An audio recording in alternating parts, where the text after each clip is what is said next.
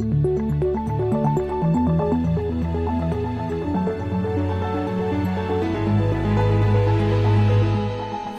This Morning.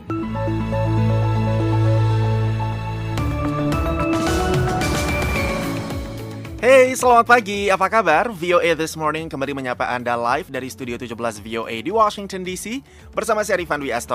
Weekend udah habis, sekarang saatnya kita mulai fokus lagi ya buat bekerja, belajar, dan semoga semangat yang udah di recharge selama akhir pekan kemarin semangatnya nggak habis-habis seminggu ke depan ya. Nah, di hari Senin tanggal 10 Juli 2023 ini seperti biasanya, redaksi VOA sudah menyiapkan serangkaian berita hangat di antaranya, Perdana Menteri Belanda Mark Rutte mengumumkan pengunduran dirinya dan kabinet yang dipimpinnya pada hari Jumat. Het is geen geheim dat de coalitiepartners heel verschillend denken over het migratiebeleid. En vandaag Bukan rahasia bahwa mitra koalisi memiliki pandangan berbeda tentang kebijakan migrasi. Dan hari ini, sayangnya, kami berkesimpulan perbedaan itu tidak bisa diatasi. Pengamat menilai program lumbung pangan alias food estate sejak era Presiden Soeharto hingga Presiden Jokowi belum berhasil. yang perlu diperhatikan bahwa sebagian besar food estate yang dibangun di luar Jawa itu adalah lahan bukaan baru. Lahan bukaan baru itu pasti butuh waktu, butuh Jangan lupa siaran ini juga bisa Anda simak secara live streaming di situs kami www.voaindonesia.com atau dengarkan kapan saja melalui podcast VOA This Morning di platform podcast langganan Anda. Sekarang kita simak dulu berita dunia pagi ini. Inilah berita dunia VOA Washington. Perdana Menteri Israel Benjamin Netanyahu mengisyaratkan ketidaksabarannya terhadap aksi-aksi demonstrasi yang muncul kembali untuk menentang rencananya merombak sistem peradilan negaranya. Pada hari Minggu, ia memanggil jaksa agungnya untuk menghadiri rapat kabinet yang membahas tindakan balasan polisi terhadap aksi-aksi protes tersebut. Netanyahu mengatakan penentang maupun pendukung reformasi sistem peradilan berhak berunjuk rasa secara damai. Akan tetapi, אבל הממשלה כן מבקשת לקבל דיווח מהי מדיניות האכיפה ביחס להפרות החוק. Netanyahu mengatakan meskipun pemerintah belum mempertimbangkan untuk membatasi hak ini, pemerintah telah meminta sebuah laporan tentang kebijakan penegakan hukum apa yang terkait dengan pelanggaran hukum yang melanggar hak-hak dasar jutaan warga negara dan dilakukan hampir setiap hari selama demonstrasi. Aksi-aksi protes di jalanan telah memanas dan para pengunjuk rasa berencana berkumpul di dekat bandara utama Israel ketika parlemen negara itu membahas rancangan undang-undang itu hari Senin. Para pengkritik mengatakan pengesahan RUU itu akan membuka pintu bagi penyalahgunaan kekuasaan. Kita beralih ke Inggris, BBC pada hari Minggu mengatakan bahwa pihaknya telah menskor seorang presenter andalannya yang dituduh telah membayar seorang remaja untuk mendapatkan foto-foto tidak senonoh. Seiring desakan politisi Inggris agar dilakukan penyelidikan dengan cepat, lembaga penyiaran itu mengaku tengah berupaya menemukan fakta-fakta atas rangkaian keadaan yang kompleks dan bergerak cepat itu. Lembaga penyiaran nasional Inggris yang didanai publik itu berusaha keras mencegah krisis memburuk setelah surat kabar The Sun memberitakan tuduhan bahwa seorang presenter pria BBC memberi seorang remaja uang sebesar sekitar 680 juta rupiah sejak tahun 2020 ketika remaja itu masih berusia 17 tahun. Presenter maupun remaja itu tidak diungkap identitasnya. Di tengah spekulasi di media sosial terkait siapa presenter yang dimaksud, beberapa bintang kenamaan BBC membantah terlibat. Meskipun usia untuk memberikan persetujuan seksual di Inggris adalah 16 tahun, tindakan membuat atau menyimpan foto tidak senonoh orang berusia di bawah 18 tahun tergolong tindak kejahatan. The Sun melaporkan ibu dari remaja itu telah mengadukan tindakan itu kepada BBC Mei lalu. Namun presenter yang bersangkutan masih terus bersiaran. Sedikitnya 15 orang tewas dalam banjir dan tanah longsor yang dipicu oleh hujan monsun atau awam disebut muson yang melanda India Utara. New Delhi menerima curah hujan terbanyak dalam beberapa dekade terakhir, menurut sejumlah laporan dan keterangan pejabat setempat hari Minggu. Jalan-jalan di beberapa daerah di ibu kota terendam air setinggi lutut karena digempur hujan 153 mm, yang merupakan curah hujan tertinggi dalam satu hari di bulan Juli dalam 40 tahun terakhir. Dengan perakiraan hujan deras satu hari lagi, pihak berwenang memerintahkan sekolah di New Delhi diliburkan pada hari Senin. Kantor berita The Press Trust of India melaporkan pada hari Minggu bahwa 15 orang tewas dalam 24 jam terakhir di enam negara bagian India di sebelah utara. Negara bagian-negara bagian dengan kontur berbukit terdampak paling parah, di mana enam orang tewas di Himachal Pradesh, di mana longsor memblokir sekitar 700 ruas jalan. Sementara itu, ratusan orang berbaris di jalan utama ibu kota Bosnia hari Minggu ketika sebuah truk yang mengangkut 30 peti mati melintas menuju Srebrenica, di mana jasad para korban dari satu-satunya kasus genosida yang diakui di Eropa setelah Perang Dunia Kedua dan baru teridentifikasi akan dikebumikan pada peringatan 28 tahun pembantaian itu. Korban genosida Srebrenica yang baru teridentifikasi dimakamkan kembali setiap tahun pada tanggal 11 Juli pada hari peringatan peristiwa pembantaian yang dimulai tahun 95 di sebuah taman pemakaman khusus yang luas dan terus diperbesar di luar kota itu.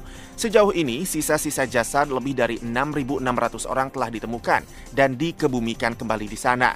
Pembantaian Srebrenica adalah puncak berdarah Perang Bosnia tahun 1992 hingga 95 yang terjadi setelah pecahnya Yugoslavia memicu hasrat nasionalistis dan ambisi teritorial yang memperhadapkan orang-orang Serbia Bosnia dengan dua faksi etnis utama lain negara itu, yaitu orang-orang Kroasia dan Bosniak. Pada Juli tahun 95, orang-orang Serbia Bosnia menyerbu tempat persembunyian yang dilindungi PBB di Srebrenica. Mereka memisahkan sedikitnya 8.000 pria dan anak laki-laki muslim dari istri, ibu, dan saudari mereka. Lantas mengejar mereka melewati hutan di sekitar kota Nahas itu dan membantai mereka.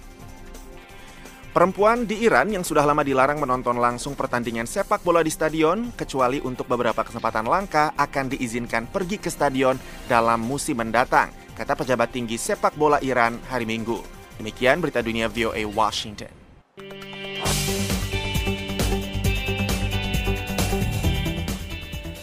VOA This Morning, Perdana Menteri Belanda Mark Rutte mengumumkan pengunduran dirinya dan kabinet yang dipimpinnya pada hari Jumat. Alasannya, terjadi perbedaan pendapat yang sulit direkonsiliasi dalam koalisi empat partai pemerintahannya seputar isu imigrasi. Keputusan oleh Perdana Menteri Belanda yang paling lama berkuasa itu berarti Belanda akan melakukan pemilihan umum tahun ini untuk mengisi kursi di Majelis Rendah Parlemen. Rute dan pemerintahannya akan tetap menduduki jabatan sebagai caretaker sampai sebuah koalisi baru terpilih. Di Den Haag ketika mengumumkan pengunduran dirinya, Rute mengatakan, Het is geen geheim dat de coalitiepartners heel verschillend denken over het migratiebeleid. En vandaag Bukan rahasia bahwa mitra koalisi memiliki pandangan berbeda tentang kebijakan migrasi, dan hari ini, sayangnya, kami berkesimpulan perbedaan itu tidak bisa diatasi. Itu sebabnya saya segera menawarkan pengunduran diri seluruh kabinet kepada raja. Pihak oposisi segera menyerukan penyelenggaraan pemilihan baru. Geert Wilders yang memimpin Partai Kebebasan yang anti-imigrasi mengirim cuitan pemilihan secara cepat segera. Pemimpin Partai Hijau yang beraliran kiri, Jesse Claver, juga menyerukan penyelenggaraan pemilihan dan mengatakan kepada siaran Belanda NOS, negara ini membutuhkan perubahan arah. Rute memimpin pertemuan sampai larut malam pada Rabu dan Kamis, namun gagal mencapai kesepakatan dalam kebijakan migrasi. Kata Rute, Migratie is een groot en belangrijk onderwerp, zowel politiek als maatschappelijk. Nu we op dit thema, op dit belangrijke onderwerp, niet tot overeenstemming kunnen komen, Migrasi merupakan topik penting, baik dari segi politik maupun sosial. Kini, setelah kami tidak bisa sepakat atas subjek penting ini, kami menyimpulkan dukungan politik di dalam koalisi sudah lenyap. Ini berarti kabinet ini akan undur dan tugas pertama adalah mempersiapkan pemilihan baru dan melakukan semuanya bagi kepentingan nasional.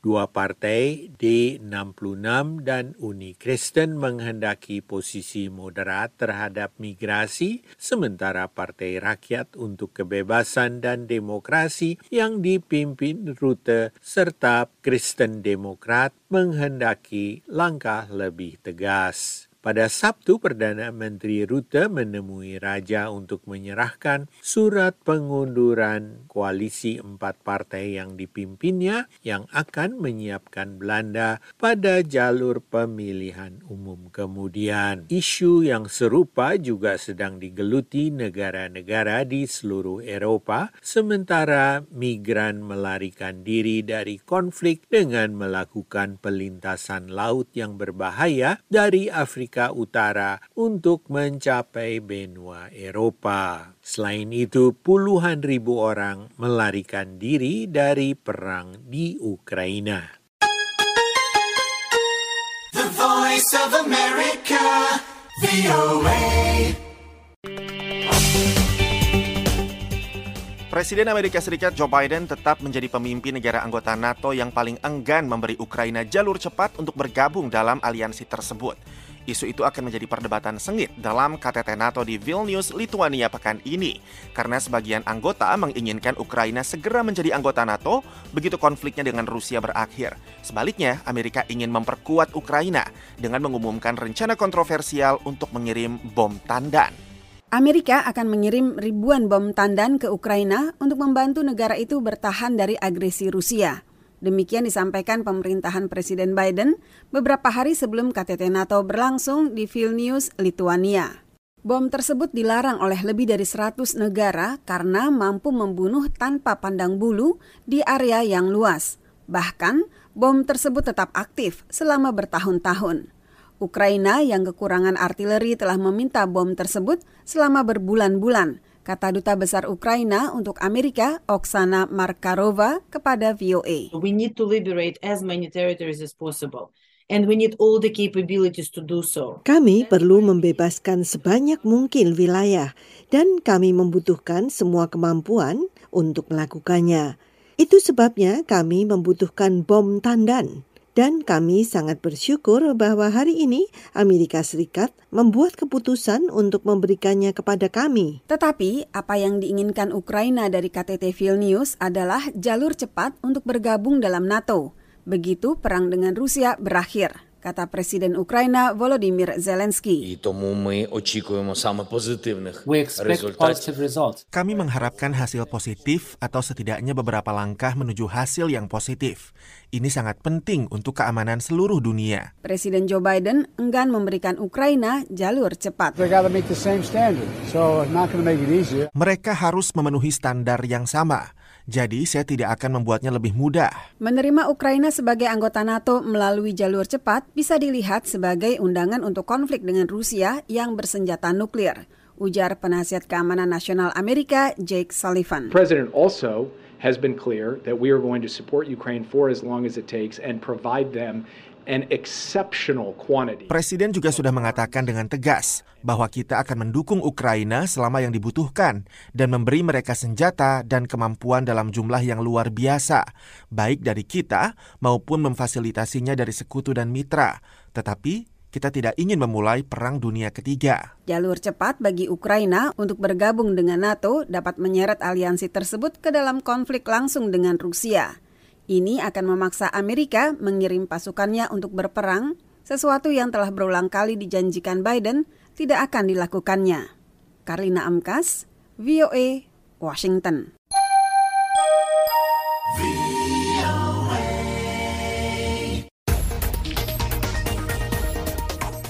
Penyiar kita beralih ke berita dalam negeri. Program Lumbung Pangan Nasional atau Food Estate yang digagas mulai dari era Presiden Soeharto Sampai era Presiden Joko Widodo, menurut pengamat belum ada yang berhasil.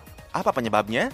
Gita Intan melaporkan dari Jakarta program Lumbung Nasional atau Food Estate yang digagas mulai dari era Presiden Soeharto sampai era Presiden Jokowi hingga kini belum menunjukkan hasil yang menggembirakan. Meski program tersebut menjadi salah satu dari program strategis nasional 2020-2024, tetapi banyak pihak menilai program tersebut gagal. Padahal menurut pakar, program lumbung pangan bersifat jangka panjang yang tidak dapat berhasil dalam waktu yang singkat. Pengamat pertanian Hudori mengingatkan bahwa seluruh lahan yang digunakan untuk program ini berada berada di luar Pulau Jawa. Akibatnya, tingkat kesuburan lahan-lahan tersebut tidak lebih baik dari lahan pertanian di Jawa. Maka dari itu, waktu yang dibutuhkan untuk bisa menghasilkan produktivitas yang baik tidak bisa dijangkau dalam kurun waktu 1 hingga 2 tahun. Yang perlu diperhatikan bahwa sebagian besar food estate yang dibangun di luar Jawa itu adalah lahan bukaan baru. Lahan bukaan baru itu pasti butuh waktu, butuh proses untuk membuat lahan itu berproduksi stabil. Sawah saja ya, membangun ekosistem sawah yang stabil itu butuh waktu 3-4 tahun lah kira-kira. Apalagi kalau bukaan baru yang asalnya hutan gitu ya terus dikonversi menjadi lahan usaha tani itu pasti butuh waktu. Budori juga mengkritisi target pemerintah terkait program lumbung pangan ini yang dianggap tergesa-gesa. Meski begitu, ia sependapat dengan pemerintah bahwa membangun fondasi yang kuat untuk ketahanan pangan nasional dengan program lumbung pangan perlu untuk dilakukan. Apalagi konversi lahan pertanian di Jawa terus berlanjut sehingga lahan pertanian semakin menipis. Berbagai kasus food estate yang gagal itu kan antara lain karena pemerintah ingin kayak simsalabim gitu ya, jadi dicetak hari ini, bisa panen hari ini dan hasilnya bisa dinikmati gitu. Itu itu sesuatu sesuatu yang menurut saya nonsen. Gitu. Selain itu katanya, penting untuk diingat bahwa Indonesia memiliki lahan pangan per kapita yang sangat rendah, yakni 0,019 hektar. Jumlah tersebut sangat kecil dibandingkan dengan negara seperti Thailand dan Vietnam yang mencapai 7 hingga 8 kali lebih besar dari Indonesia. Presiden Jokowi beberapa hari yang lalu mengunjungi food estate di Kabupaten Kerom, Papua. Di lahan tersebut, pemerintah menanam jagung yang dalam waktu tiga bulan diklaim sudah relatif berproduksi dengan baik. Meski ada beberapa hal yang perlu diperbaiki dari segi sistem perairan. Terkait keberlanjutan food estate di Papua, menurut Jokowi tidak diperlukan payung hukum. Jika terdapat hasil yang baik, maka seharusnya hal tersebut sepenuhnya bisa diserahkan kepada pemerintah daerah setempat untuk melanjutkan program tersebut. Nggak usah pakai payung hukum. Pelaksananya kalau sudah mentan, sudah percobaan seperti ini, sudah kelihatan, semuanya mestinya otonomi. Sudah tanggung jawab Bupati. Nanti kalau sudah ini alatnya udah benar, tuh semuanya serahin Bupati, Bupati yang mengkoordinir, mengorganize masyarakat yang ada di sini. Tetapi memang dalam jumlah yang banyak ini akan memunculkan produktivitas per hektarnya nantinya. Dari Jakarta, Gita Intan melaporkan untuk VOA Washington.